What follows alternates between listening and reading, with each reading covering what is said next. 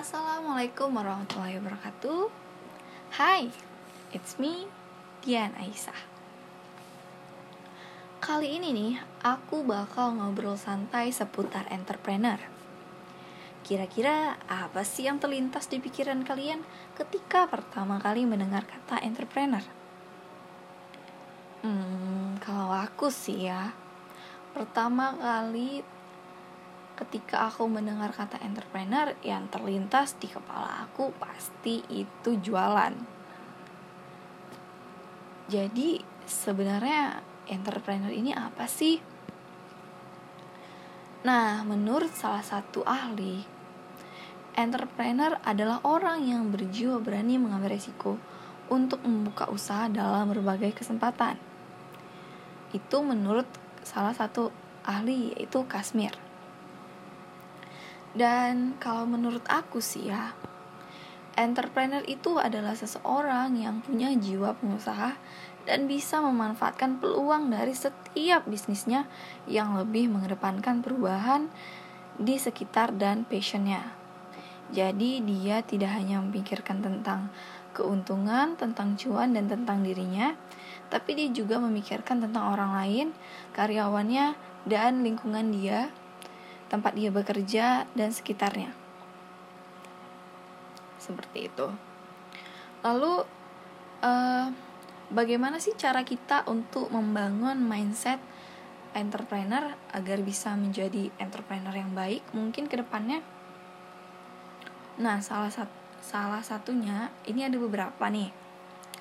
Kita mulai dari yang pertama. Yang pertama yaitu disiplin di sini disiplin adalah tiang dari semuanya menurut aku. Ketika kita disiplin, kita akan tahu apa yang akan kita lakukan di jam segini, hari ini, saat ini juga, itu kita akan tahu. Itu akan jauh lebih baik daripada kita jika kita tidak disiplin gitu kalau kita nggak disiplin kita nggak akan tahu mau ngapain apa yang harus kita lakukan. Kita nggak tahu sama sekali. Ketika kita disiplin kita akan tahu itu akan tersusun rapi terjadwal. Jadi kita nggak uring-uringan gitu. Dan pelanggan yang bertanya misalnya nih pelanggan deh ada deh konsumen yang nanyakin produk kita gitu. Bahan deh nanyakin bahannya ini apa gitu. Dia itu nanya tuh sekitar jam 10 pagi gitu. Biasanya kalau jam 10 pagi sih semua udah buka gitu. Lah giliran kalau misalnya kita nggak disiplin tuh jam 10 pagi kita masih tidur. Atau kita tidurnya itu pagi gitu. Malam kita bangun gak jelas mau ngapain. Terus kita jawabnya malam ya pelanggannya udah keburu kecewa duluan. Kan gitu. Yang kedua semua semua itu nggak ada instan. Jangan pernah pikir instan. Jangan pernah. Semua itu butuh proses terutama bisnis. Bisnis ketika bisnis itu instan maka instan pula kehancurannya dan ketika dia memiliki proses, maka dia akan semakin kuat. Kenapa?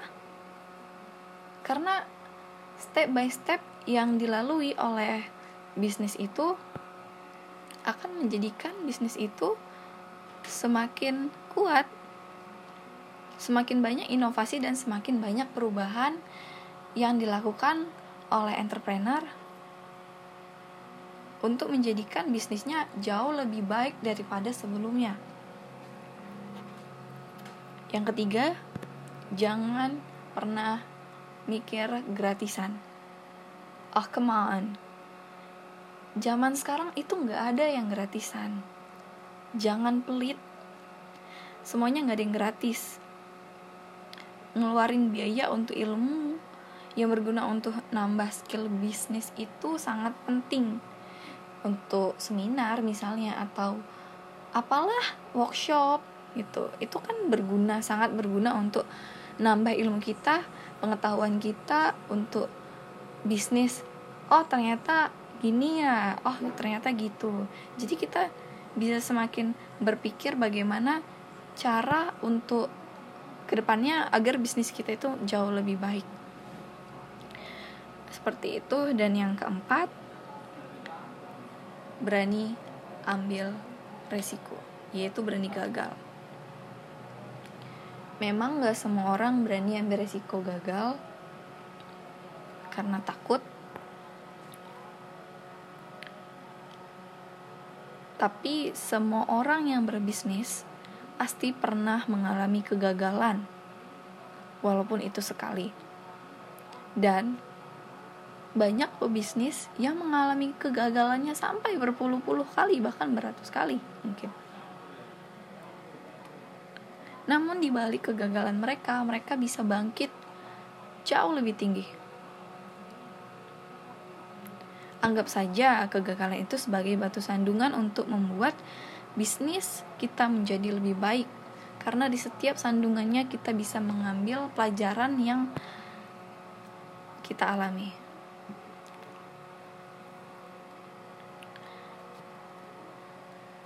Nah, itu uh, beberapa mindset uh, beberapa cara untuk membangun mindset entrepreneur versi aku. Dan aku punya nih uh, eh iya lupa deh. Ternyata ya aku juga baru tahu nih.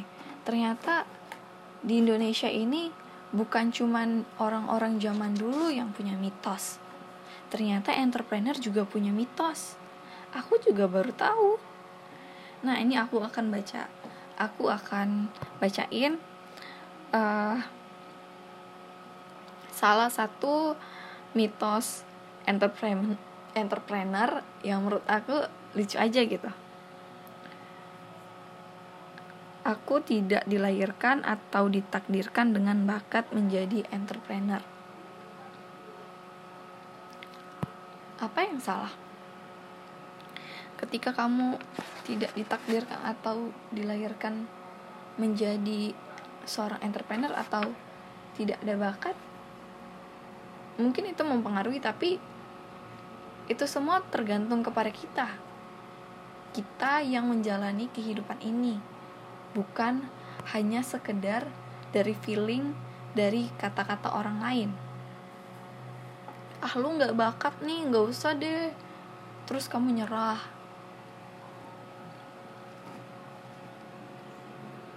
Terus kamu jadi minder gitu.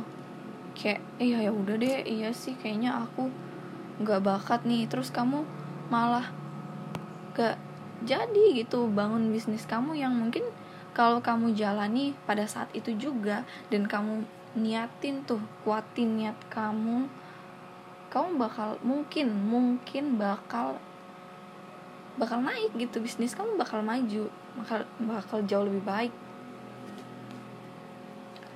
Ketika seorang gak punya hubungan darah misalnya kayak orang tuanya tuh PNS atau yang sama sekali nggak ada hubungan hubungan eratnya dengan para entrepreneur atau para pengusaha nggak ada sama sekali tapi ketika dia ingin membangun sebuah usaha dia ingin menjadi seorang entrepreneur dan dia berhasil what's wrong gak ada yang salah semua itu kembali kepada kita, bagaimana cara kita menyikapi hal tersebut, bagaimana kita mampu menguatkan diri kita sendiri, dan yakin gitu. Diniatin, intinya semuanya itu niat. Kalau kata mama aku sih itu semuanya niat. Semuanya butuh niat. Nah, Menteri Erick Thohir aja nih ya, pingin tuh dia tuh pingin mahasiswa aku dan teman-teman aku semua dan para mahasiswa lainnya itu jadi entrepreneur gitu dia pingin banyak mahasiswa yang jadi entrepreneur karena lowongan kerja dari pemerintah aja nggak akan cukup untuk menaungi mahasiswa-mahasiswa yang ke depannya orang-orang yang ke depannya akan kerja gitu. Ketika lapangan kerja itu sudah sempit bagaimana kita bekerja kalau hanya mengandalkan pemerintah? Nah jadi Menteri Erick Thohir ini ingin kita menjadi entrepreneur karena ia juga ingin kita membuka lapangan pekerjaan untuk orang-orang di luar sana yang mungkin uh, tidak bekerja seperti itu atau di masa yang akan datang kita akan juga akan bekerja. Jadi itu semua jauh lebih mulia gitu. Karena kita membuka lapangan pekerjaan untuk mereka yang tidak bekerja, yang belum bekerja atau yang mau bekerja.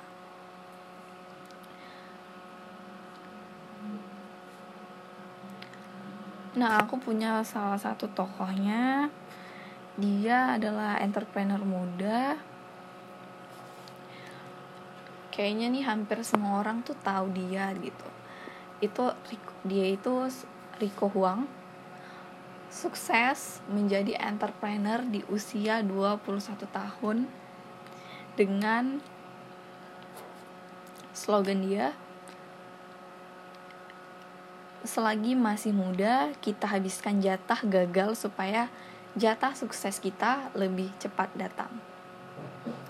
Dia mengalami banyak kegagalan dalam bisnis.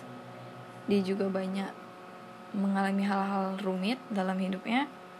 Dimulai dari bisnis jam tangan, case handphone, uh, case handphonenya yang kemarin dia bisnis itu case handphone yang custom gitu loh itu hits pada zamannya gitu pernah gitu kan case-case handphone yang custom yang sesuai keinginan kita mau tempel muka siapa di situ muka monyet juga ada gitu kan bisa sesuai dengan request uh, konsumennya gitu.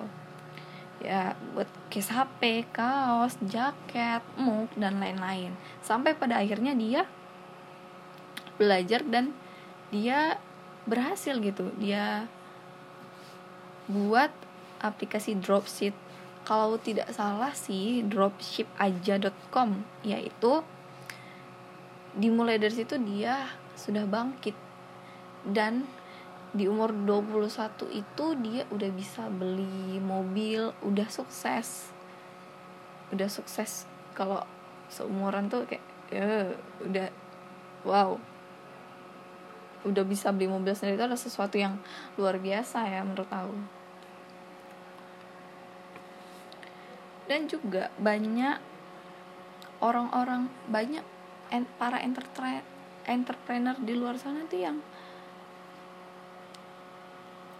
luar biasa gitu. Itu tadi aku kasih contoh Rico Huang di umur 21 nya dia sudah sukses.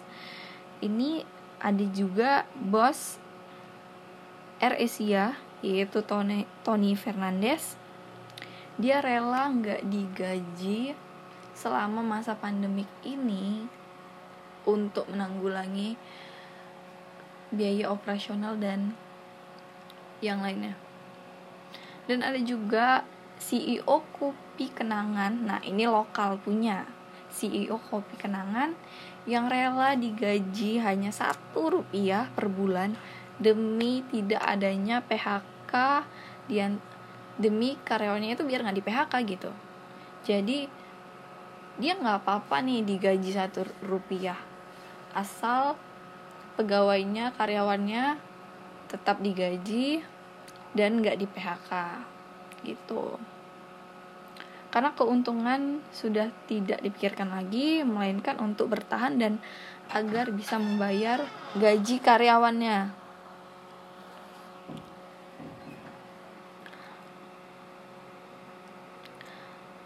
Banyak entrepreneur yang turut serta turut membantu atas duka yang kita alami karena pandemi COVID-19 ini membuat banyak orang membuat Indonesia ini benar-benar terguncang ekonominya terutama mereka yang terkena dampak PHK dirumahkan tanpa digaji atau mereka yang berjualan di pinggir kaki, jual uh, pedagang kaki lima yang harusnya mereka itu setiap hari mendapatkan budget yang normal ketika COVID-19 ini meledak mereka hanya mendapatkan beberapa ribu rupiah.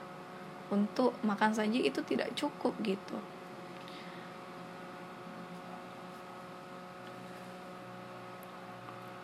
Dan uh, banyak peluang-peluang bisnis walaupun saat ini kita sedang menghadapi pandemi COVID-19 yang mengharuskan orang-orang itu harus work from home, work from home, yang harus di rumah aja gitulah.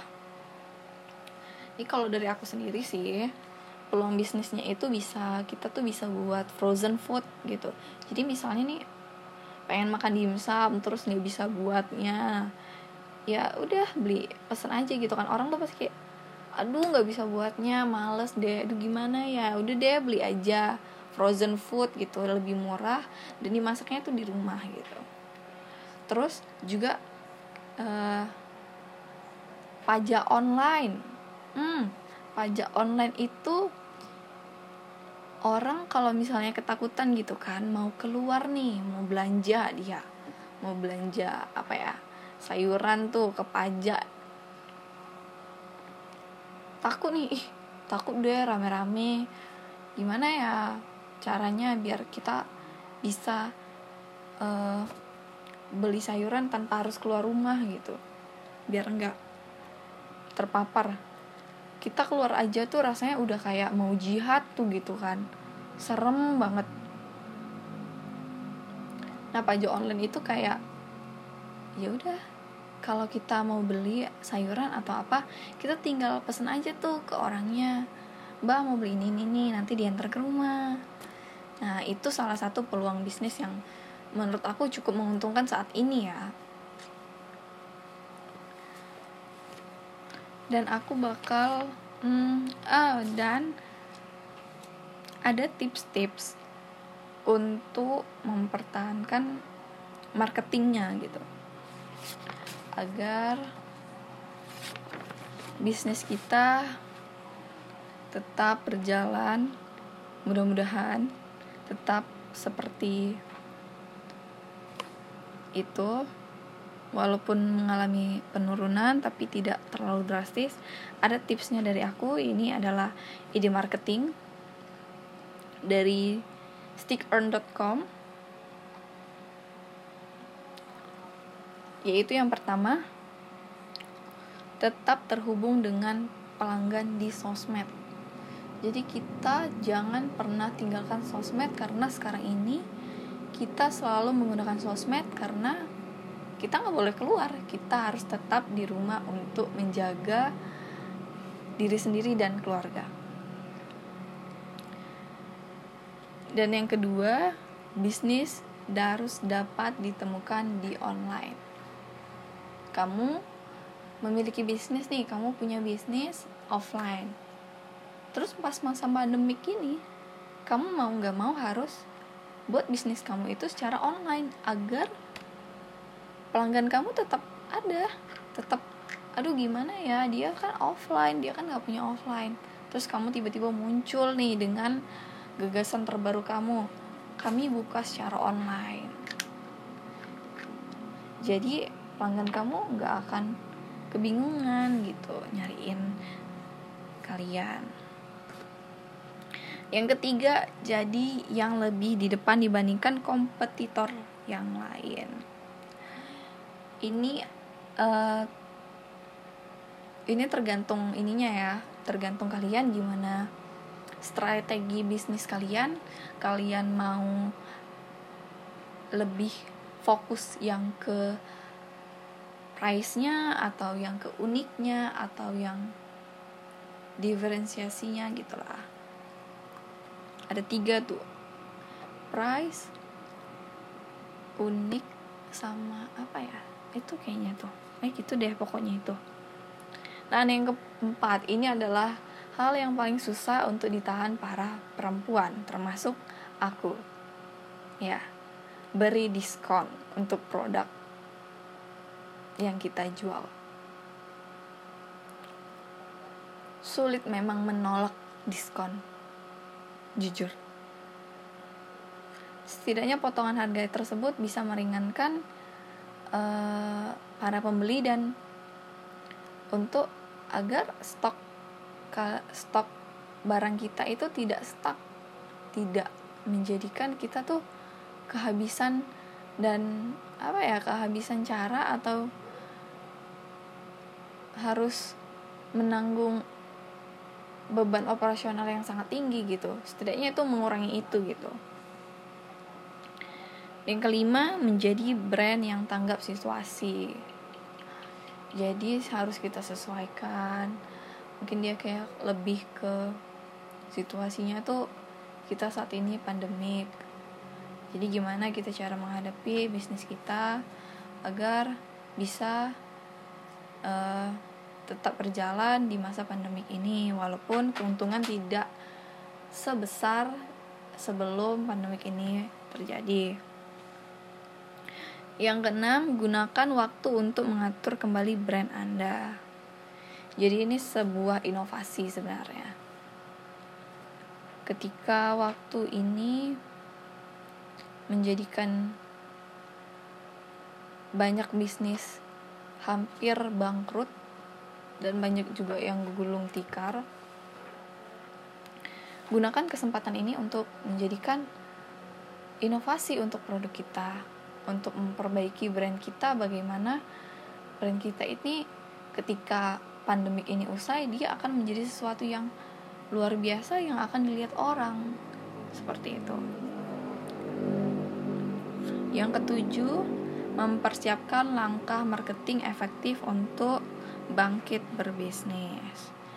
Nah ini kerjaan anak marketing nih biasanya nih.